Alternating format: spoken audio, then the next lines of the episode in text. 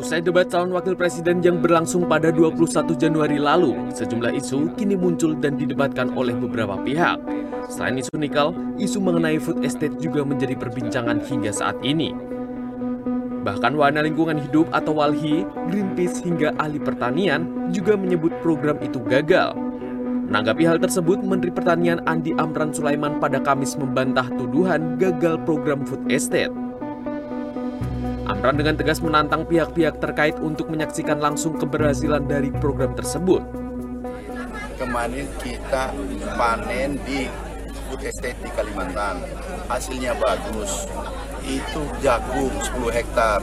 Kalau 10 hektar berhasil, itu bukan lagi percobaan skala percobaan, tapi itu sudah tingkat bisa dikomersilkan. Tolong jangan sektor pertanian dijadikan bahan uh, perdebatan. Pertanian ini harus kita kerjakan. Pertanian ini strategis. Dalam debat, calon wakil presiden nomor 2, Gibran Raka Buming Raka mengatakan proyek pemerintah mengenai food estate dinilai ada yang berhasil dan sudah panen. Program-program yang sudah berjalan sekarang, nomor satu dan nomor tiga ini kan kompak, food estate gagal.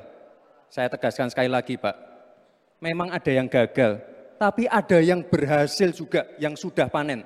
Misalnya di Gunung Mas, Kalteng, itu sudah panen jagung, singkong, itu Pak, cek saja nanti ininya, cek saja datanya.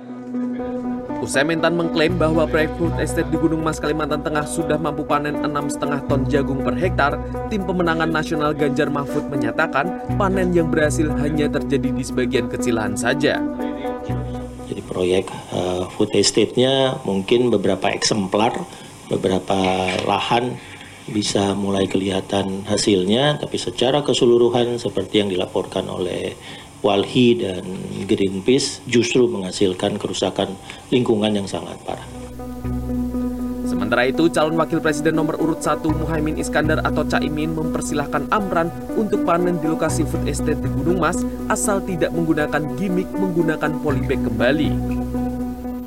Ya pakai polybag apa enggak itu pertanyaan dulu. ini tidak tidak ya tentu jangan menjadi gimmick-gimmick ya silahkan semoga aja berhasil Dikutip melalui cnnindonesia.com, Guru Besar IPB mengatakan keberadaan food estate yang digagas Presiden Joko Widodo gagal semua.